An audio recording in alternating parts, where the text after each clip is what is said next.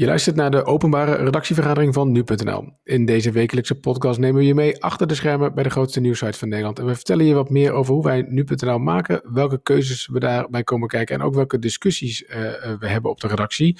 Mijn naam is Gertjaap Hoekman, hoofdredacteur van nu.nl en welkom bij de Week van Nu.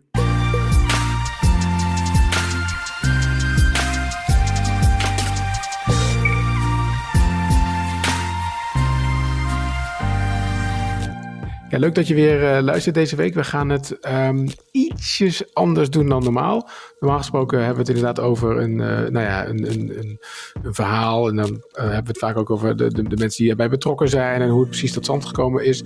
Um, deze keer doen we dat ook. Hè. We hebben ook journalisten van nu.nl, maar we gaan ook um, ja, meer een, een debat beschouwen dat deze week gevoerd is in de Tweede Kamer. En dat debat gaat over Um, botsende grondrechten. De aanleiding uh, van deze podcast is dat er een debat is geweest in de Tweede Kamer deze week over de zogenaamde burgerschapsopdracht. En vooral de discussie die daarover ontstond, zowel in het parlement, maar ook in de, in de media, over botsende rechten en vrijheden. Het recht op de gelijke behandeling, uh, dat is de eerste grondwetrecht uh, dat we hebben aan de ene kant, en de vrijheid van godsdienst en, artikel 23, het recht op bijzonder onderwijs aan de andere kant. Um, dat ga ik niet alleen doen uiteraard. Julian Dom, jij bent ook weer van de partij. Alles goed met je? Zeker weten, Gertjaap. Alles goed hier bij jou ook, neem ik aan.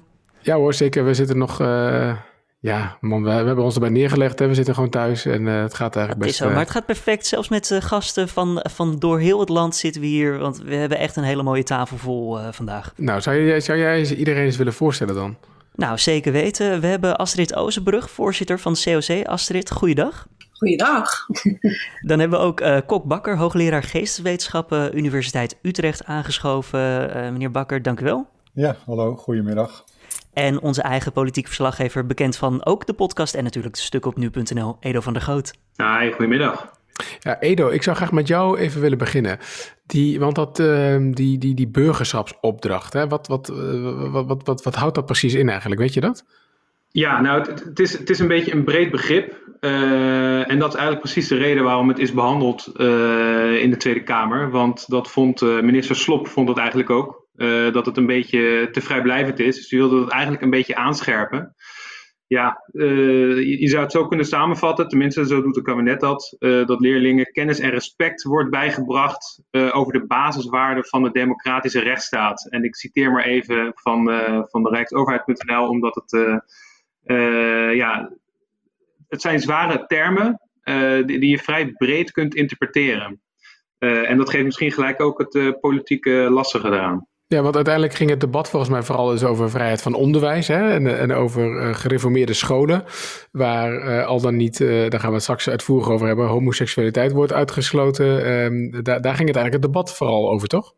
Nou, het debat ging over dat, uh, eigenlijk niet zozeer over, niet daarover, maar het ging over burgerschapsonderwijs. Hè? Dus wat ik zojuist noemde, waarvan de overheid belangrijk vindt, of dit kabinet belangrijk vindt, dat, uh, dat je daar les in krijgt. Dus dat je de, ja, een beetje de normen en waarden van Nederland leert. Uh, maar eigenlijk werd dat, kreeg, dat debat een beetje een, rare wending, omdat die dag stond een artikel in Trouw over twee jonge jongens, twee homoseksuele jongens. En die hadden gezegd, ja, wij zitten op een reformatorische school, waarbij onze ouders hebben moeten ondertekenen, een verklaring hebben moeten ondertekenen, uh, ja, dat je eigenlijk homoseksualiteit afkeurt. En op zich is dat niet zo nieuw, want dat wisten we al dat scholen dat mogen doen, dat het bestaat. Alleen Slop kreeg daar opeens nogal kritische vragen over van onder andere D66, maar ook PvdA, ook um, VVD. Eigenlijk kamerbreed was er eigenlijk best wel veel irritatie over het feit uh, hoe Slop dat behandelde. Want hij zei van ja, ze hebben nu eenmaal het recht om dat te doen. Ja, dat wist iedereen wel, want dat is, het, uh, dat is de grondwet, artikel 23, waar je het uh, zojuist over hebt. Alleen moet je daar zo hard op gaan drukken, zodat andere grondrechten wellicht een beetje in, de, in, in het nauw komen. En dat was opeens een, een politiek punt. En, en zo ontstond ja, de, de, irritatie rondom die uitspraak van Slop, dat hij zei van ja, scholen mogen homoseksualiteit afkeuren. Uh, maar ze moeten ook tegelijkertijd zorgen voor een veilig onderwijsklimaat. Nou ja, goed, dat, dat gaat gewoon niet samen, vinden heel veel, uh, heel veel mensen. Dat hebben we gezien. Ja, precies. En even over die verklaring dan. Hè? Want uh, op zich inderdaad interessant dat je zegt. De aanleiding dat, dat er opheffen een discussie over kwam, was een artikel in, in Trouw. En daarin spraken twee jongens inderdaad over een verklaring waarin letterlijk stond dat homoseksualiteit werd afgewezen. En nou, vervolgens lees ik dat de Vereniging voor Gereformeerd Schoolonderwijs, de, de VGS, zegt dat die passage sinds vorig, jaar, vorig schooljaar eigenlijk is verdwenen. Um, Kok Bakker, uh, u bent uh, hoogleraar geesteswetenschappen aan de Universiteit Utrecht, zoals uh, Julien al zei. Wat, wat staat er nou precies in die verklaring, weet u dat? Van de gereformeerde scholenvereniging? Ja. Nee, dat weet ik eigenlijk niet. Oké, okay, wat, wat, wat, wat, ik, ik heb het idee dat het, dat het debat gevoerd wordt over inderdaad uh, uitspraken nu uh, van, van, van jongens in, in trouw. Terwijl inmiddels die verklaring alweer een beetje is aangepast. Dat er nu staat, en ik heb zelf ook even gekeken naar onder andere de Pieter Zand. Hè, dat is een, een scholengemeenschap in, um, in Kampen. Um, we hebben ook gesproken overigens, daar kan ik misschien later nog even op met de bestuursvoorzitter van die, van die, um, van die scholengemeenschap. En die zegt van, ja, bij ons staat in de verklaring dat het gaat over de tien geboden. Hè, en in die tien geboden staat onder andere ik geloof dat dat het zevende gebod is, hè, dat uh, seksualiteit iets is wat eigenlijk um, onver, een, onverbrekelijke verbindenis is in een huwelijk tussen één man en één vrouw. Um, dus ja, dan staat er misschien niet letterlijk in dat, het, dat, het, dat je homoseksualiteit afwijst, maar misschien impliciet toch ook weer wel. Nou ja, dat, het is natuurlijk uh, zelfs in, uh, van, van buitenstaanders denk ik dat het een behoorlijk rigide standpunt lijkt van, nou ja, je moet dus een uh, verklaring ondertekenen dat je homoseksuele relaties afwijst.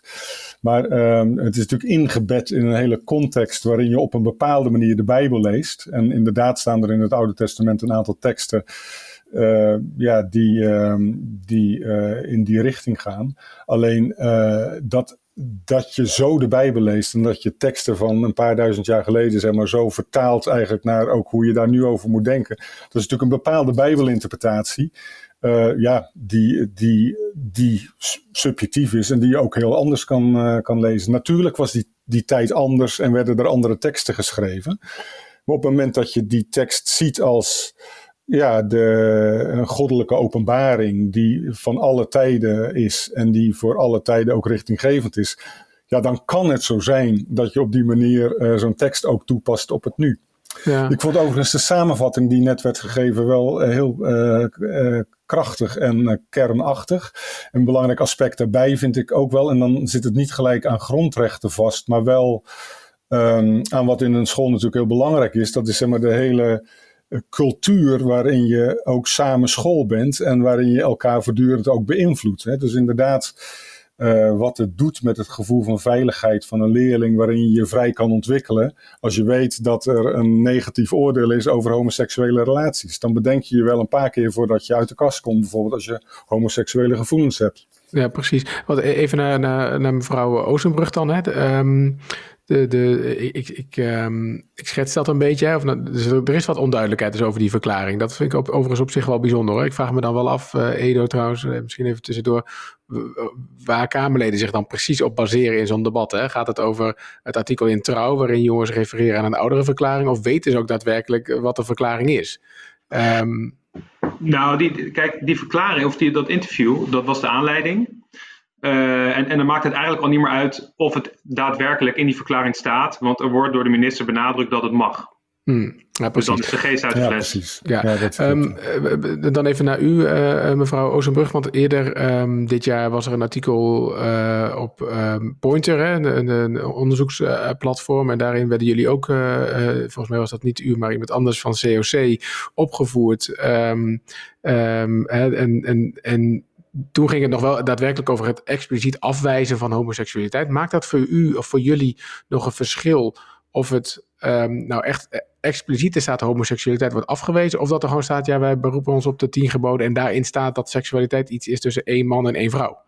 Nou ja, waar het vooral in zit is dat je moet dit soort uh, verklaringen niet laten tekenen door ouders. Uh, je moet dit soort verklaringen niet laten tekenen door leerkrachten. Omdat je daarmee expliciet de boodschap uitspreekt dat je LHBTI niet accepteert als onderdeel van uh, onze samenleving. En dan zorg je er wel voor dat jongeren die daar naar school gaan, die moeten in alle vrijheid kunnen opgroeien, kunnen leren.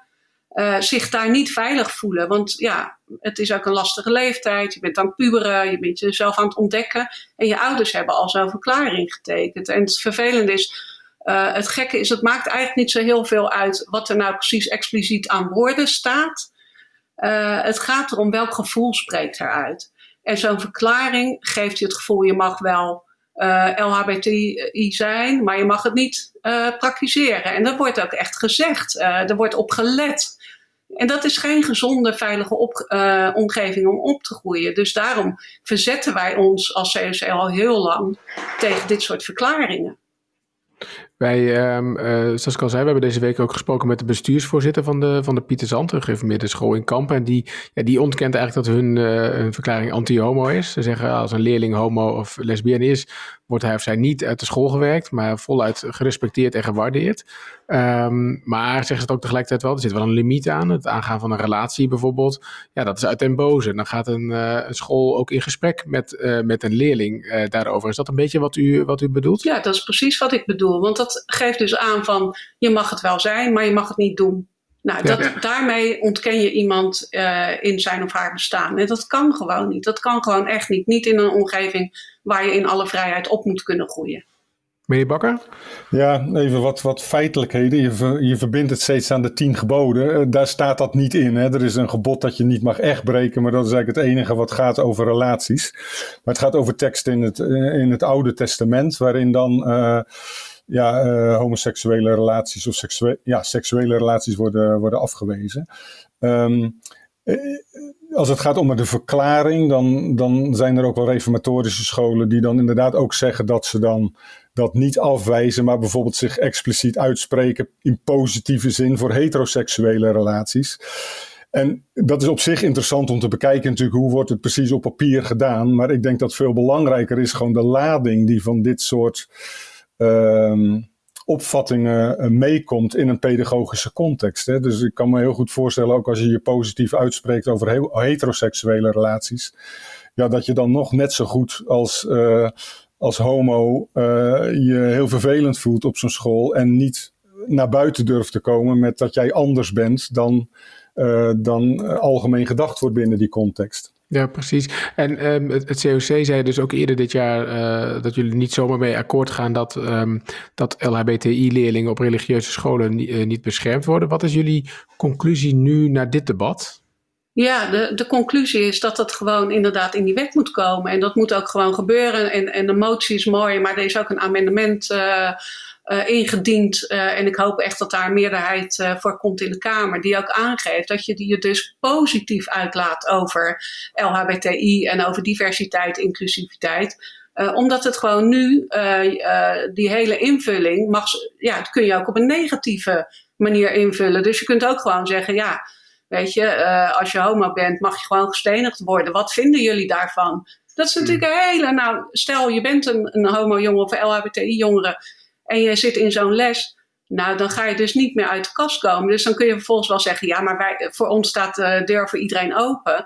Maar die deur is dan al keihard dicht en er zitten gewoon twintig sloten op. Dus ga nou gewoon naast die leerling staan en stop gewoon met dit soort verklaringen. Want het, het zorgt echt voor een onveilig leerklimaat. Ja, Edo, uh, het gaat echt over botsende grondrechten. Uh, want je hebt gewoon aan de ene kant, nou, het is niet voor niks het, het eerste grondrecht, hè, dat mensen, dat je gewoon, dat er gelijkheid bestaat. aan de andere kant hebben we ook vrijheid van, van godsdienst. mensen die zich dus hun levensstijl en hun visie, kijk op de, de, de wereld, ontlenen aan de Bijbel. Um, en soms, sommigen doen dat wat letterlijker dan anderen, zo gezegd. Nou, dan hebben we ook nog eens het recht van onderwijs, waarop je dat mag praktiseren op een, op een school. Dat, dat botst met elkaar. Hoe gaat een Tweede Kamer daarmee om? Nou, wat je, ziet is um, dat bijvoorbeeld christelijke partijen, die benadrukken heel erg, uh, Gert-Jan Zegers hoor je dat vaak zeggen, zegt van ja, ik wil artikel 1 niet uh, uh, voor artikel 23 plaatsen en ook niet andersom. Maar die zegt van ja, het is allebei even belangrijk. Uh, daarmee zegt hij eigenlijk wel dat die artikel 23, dat, dat hij daar wel iets meer de nadruk op legt. Ik zeg niet dat hij dat belangrijker vindt. Maar hij zegt van ja, ga het nou niet achter elkaar zetten. Zo van artikel 1, uh, gelijkheidsbeginsel. Daarvan kan je je voorstellen dat dat voor heel veel mensen het belangrijkste grondrecht is natuurlijk. Iedereen is voor de wet gelijk. Wie, wie zou dat nou niet willen? Wie wil daar überhaupt aan tornen? maar ja, goed, dat, dat komt wel eens in vaarwater met, met artikel 23. En je ziet dat sommige mensen nu in het politieke debat die dat conflict ook wel opzoeken om een punt te maken om artikel 23 toch een beetje ja, of te wijzigen of een beetje aan te passen. Uh, al dan niet met een grondwetswijziging. En dat is nu wel de discussie die Slop eigenlijk heeft aangezwengeld, zonder dat hij dat juist had gewild. Hij wilde juist benadrukken dat artikel 23 belangrijk is. Nou goed, de, wat we nu zien is dat iedereen begint te twijfelen aan artikel 23. Ja, ja, precies. En uh, uiteindelijk is, is hij, uh, nou ja, de Kamer heeft hij achtergelaten met de belofte dat hij ernaar gaat kijken. En dat hij in ieder geval het expliciet afwijzen van homoseksualiteit een brug te ver vindt. Nou, nog even los van, dus wat nog een beetje in het midden blijft hangen, staat dat nou wel of niet in die verklaring letterlijk. Maar hij gaat zich in ieder geval kijken hoe dat verhoudt tot de wet. En in nodig moet die wet dan aangepast worden. maar misschien kunnen we dat hier al wel een klein beetje doen hoor. meneer Bakker, hoe, hoe, kijk, hoe kijkt u daarna, naar, die, naar zo'n uitspraak? Ja, artikel 23 uh, kennen we ondertussen ruim 100 jaar.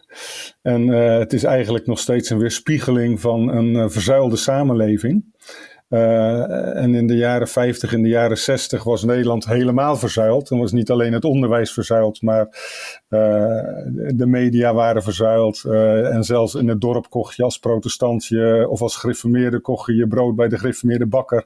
En je had het hart niet dat je dat bij de katholieke bakker doet. Nou, dat is in in een periode van secularisatie en kennis nemen van allerlei verschillende religieuze opvattingen, is dat in de jaren zestig natuurlijk maatschappelijk gezien uh, ja, weggeslipt. Alleen in het onderwijs is dat echt rigide overeind gebleven. En dat heeft onder andere met, dus met dat artikel 23 te maken. Maar het is eigenlijk sinds die tijd ook dat we om de havenklap uh, in deze discussie verzeild raken. En op het ene moment is de ene aanleiding er en nu is er deze omdat je gewoon moet vaststellen dat het hele idee van de verzuiling in het onderwijs gewoon niet meer weerspiegelt zoals het op een school gaat. Ik, er zijn heel veel scholen waar de leerlingenpopulatie ontzettend divers is, die, uh, waar op een protestants-christelijke school uh, leerlingen zitten die of niets met die traditie meer hebben, of die van andere geloofsrichtingen zijn. Tot en met scholen in, nou ik noem maar in Rotterdam-Zuid bijvoorbeeld, een protestants-christelijke basisschool, waar meer dan 80% van de leerlingen moslim zijn. Dus het hele beeld van wat er nou in die verzuiling aan de hand is, um, dat klopt niet meer met de, uh, met de praktijk. En nou is er eens uh, een jaar of drie, vier geleden een rapport bijvoorbeeld verschenen van de Onderwijsraad, waarin er ook een pleidooi gevoerd wordt om die identiteit van scholen, die dan gekoppeld is aan die verzuiling en aan artikel 23, om dat op te rekken. Dus dat bijvoorbeeld het bijzondere van een bijzondere school niet alleen maar samenhangt met een levensbeschouwelijke traditie, maar bijvoorbeeld ook met pedagogische opvattingen. Dus dat je bijvoorbeeld meer werk maakt van artikel 23 door te denken aan Montessori-scholen, Jena-planscholen en dat type scholen, dan dat het alleen maar over katholiek, protestants en islamitisch zou gaan. Dus dat is een beweging die eigenlijk voortdurend een trend, zou je kunnen zeggen, om dit op allerlei manieren te bediscussiëren. Ja, en nu zitten we weer op een moment dat er, uh, ja, dat er weer een forse discussie is over hoe artikel 23 nou toch nog past bij het hedendaagse onderwijs. Ja, precies. En mevrouw Oosterbrug, uh, Edo uh, gaf net aan dat, dat er in de politiek een beetje wordt gekeken of het is geen ranking, ranking de grondrechten. Hè? tegelijkertijd, ja, misschien, misschien is dat ook wel. Hè? zou je dat niet eens moeten toetsen bij een, bij een rechter misschien? Um, nou ja, dat is wel ingewikkeld. Want uh, sowieso wat er in dat debat eigenlijk gebeurde, is dat Slop toch wel de vrijheid van onderwijs boven dat discriminatieverbod plaatste. Waar, daar sloeg iedereen natuurlijk op aan en uh, ging het mis. Uh, alleen, ja, artikel 1 van de grondwet, daar wordt LHBTI nog steeds niet expliciet in genoemd. Dat is natuurlijk de volgende strijd die we aan het voeren zijn. Uh, daar wordt wel uh, uh, nou ja, seksualiteit benoemd, maar goed, dat is te weinig.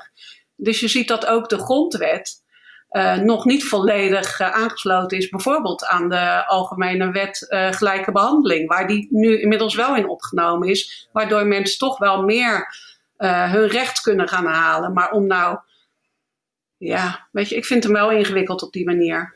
Ja, meneer Bakker? Nou ja, wat hier dan speelt is dan de zogenaamde enkele feitconstructie.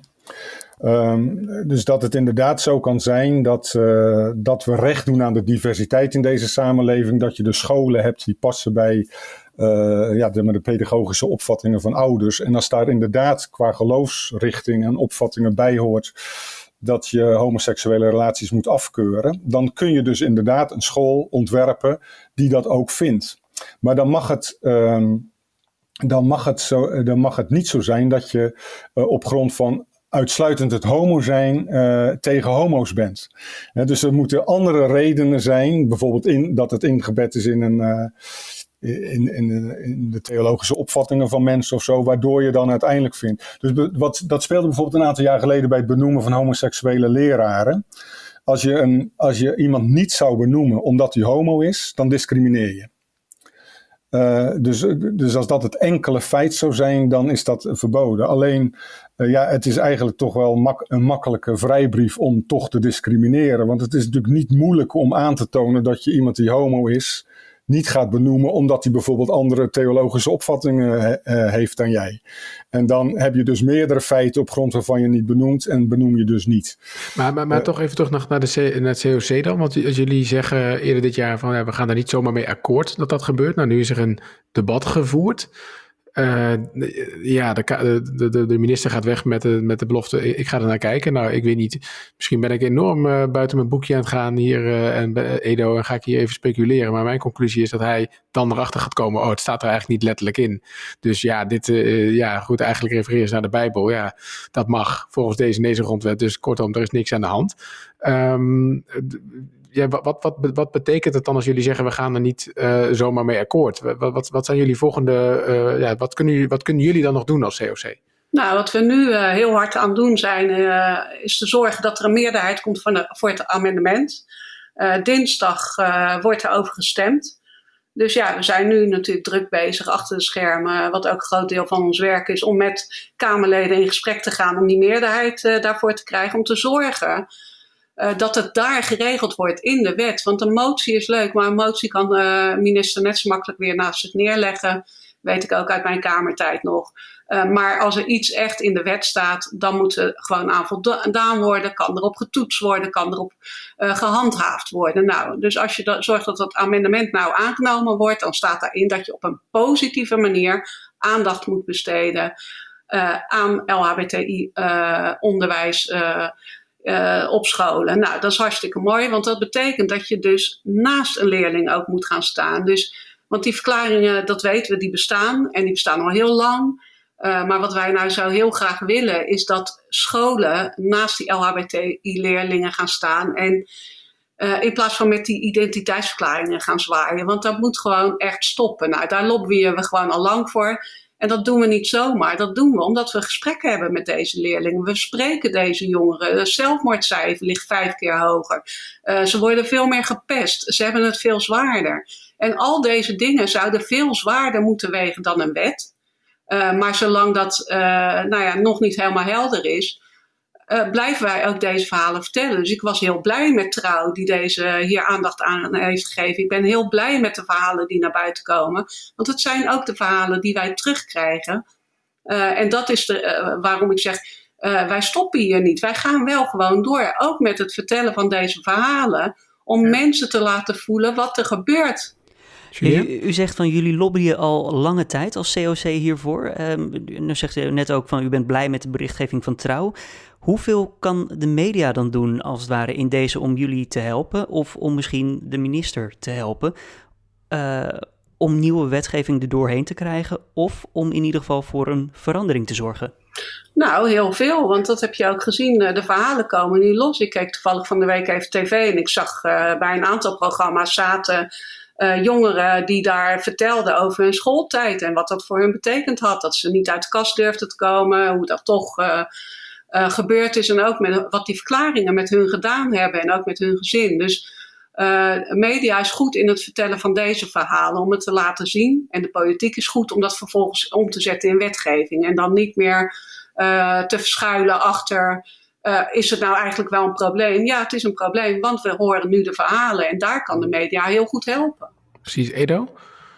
Ja, mevrouw Oostenburg, ook, uh, ook nog even, want u bent natuurlijk Kamerlid geweest voor PvdA tussen 2012 en 2017. Uh, toen zat huidig PvdA-leider Lodewijk Asscher natuurlijk niet in de Kamer, maar hij zat toen wel in het uh, kabinet als uh, vicepremier.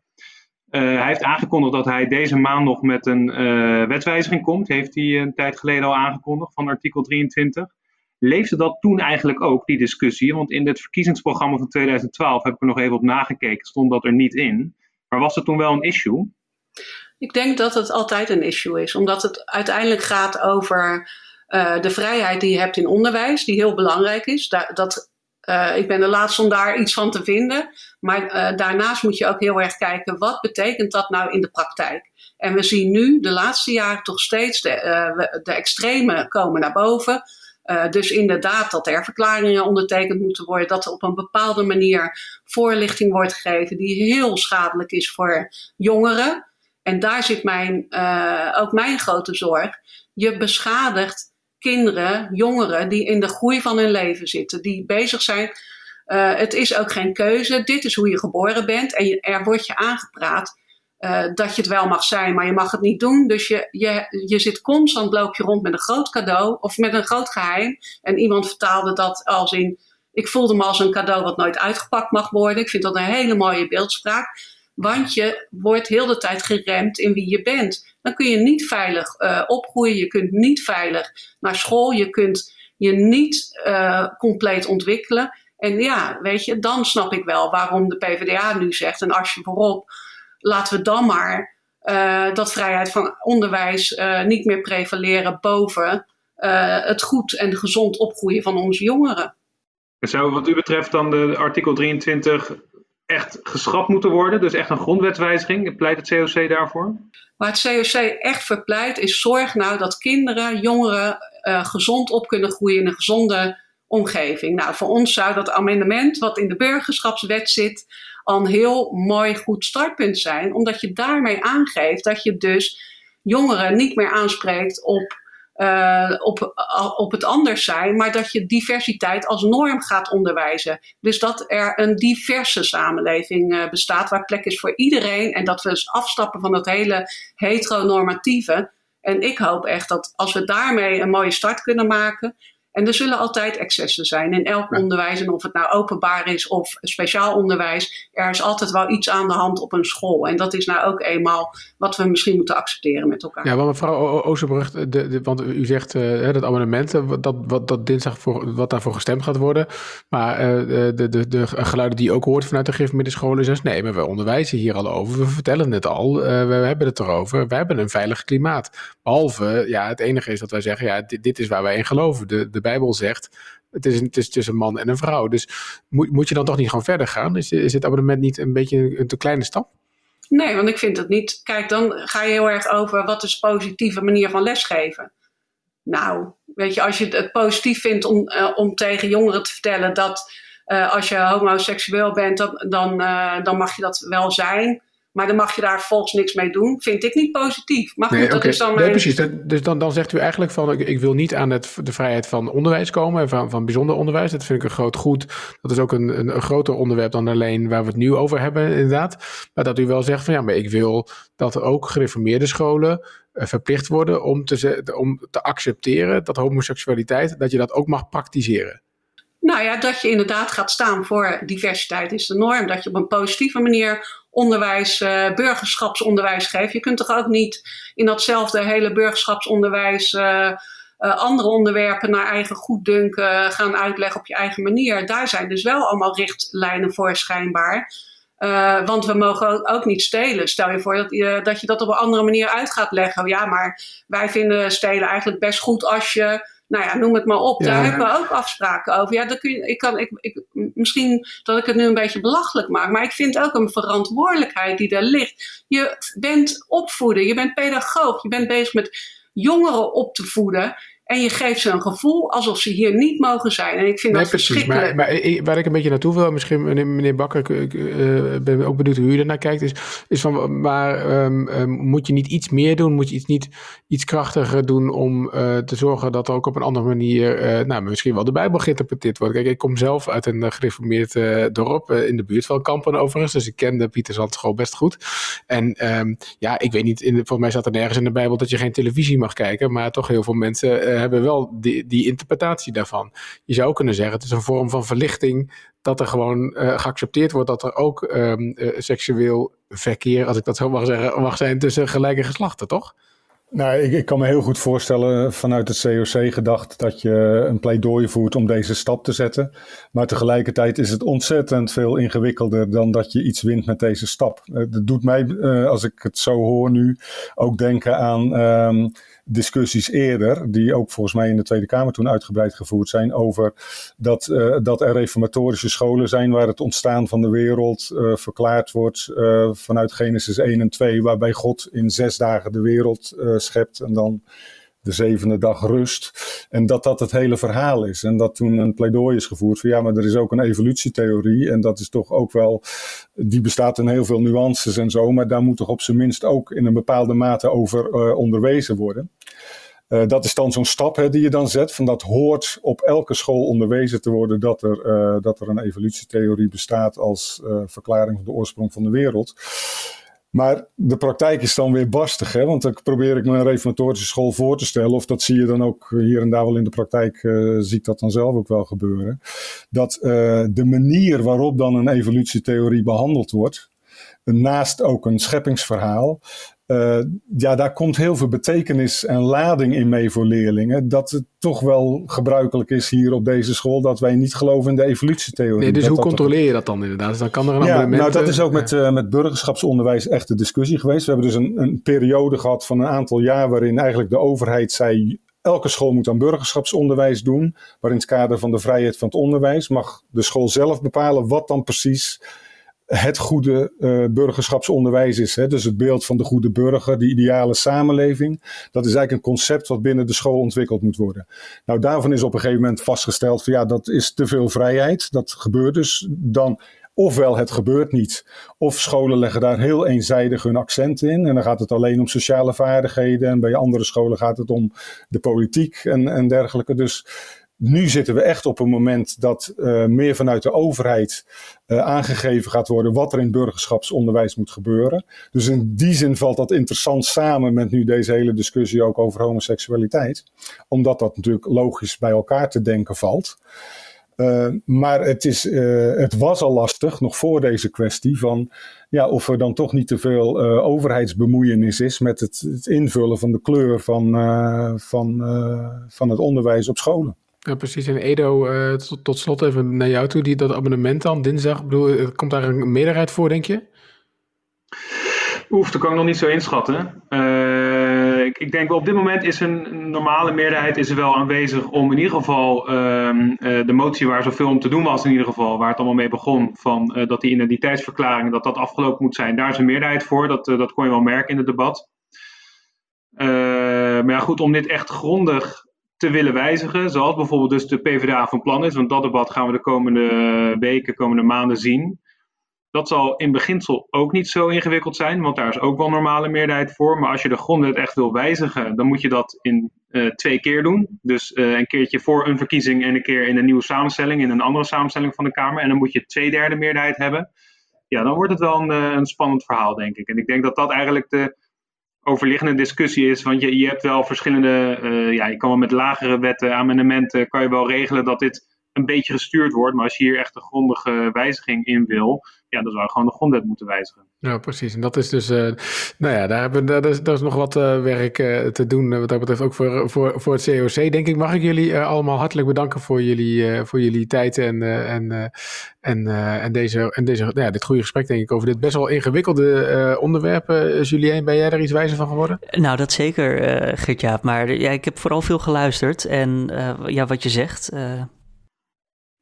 je bent gewoon sprakeloos. Je bent gewoon sprakeloos. Nou, dat is ook, dat is ook wel eens goed. Um, ik, ik ga gelijk deze openbare redactievergadering sluiten, uh, Julien. Want ik zit naar de klok te kijken en ik denk dat we de postzak die jij ongetwijfeld hebt binnengesleept, dat we die even meeslepen naar volgende week. Komt helemaal goed. Uh, want dan, uh, dan zijn we er gewoon natuurlijk weer. Um, zoals je van ons gewend bent, elke vrijdagmiddag staat deze openbare redactievergadering op je voorpagina van nu.nl. En als jij nou um, denkt Jongen, die Julien, daar wil ik al veel meer van horen, want die was wel heel stil deze, dit half uurtje. Uh, dan moet je even uh, op zoek gaan naar, in je podcast-app naar Dit Wordt Het Nieuws.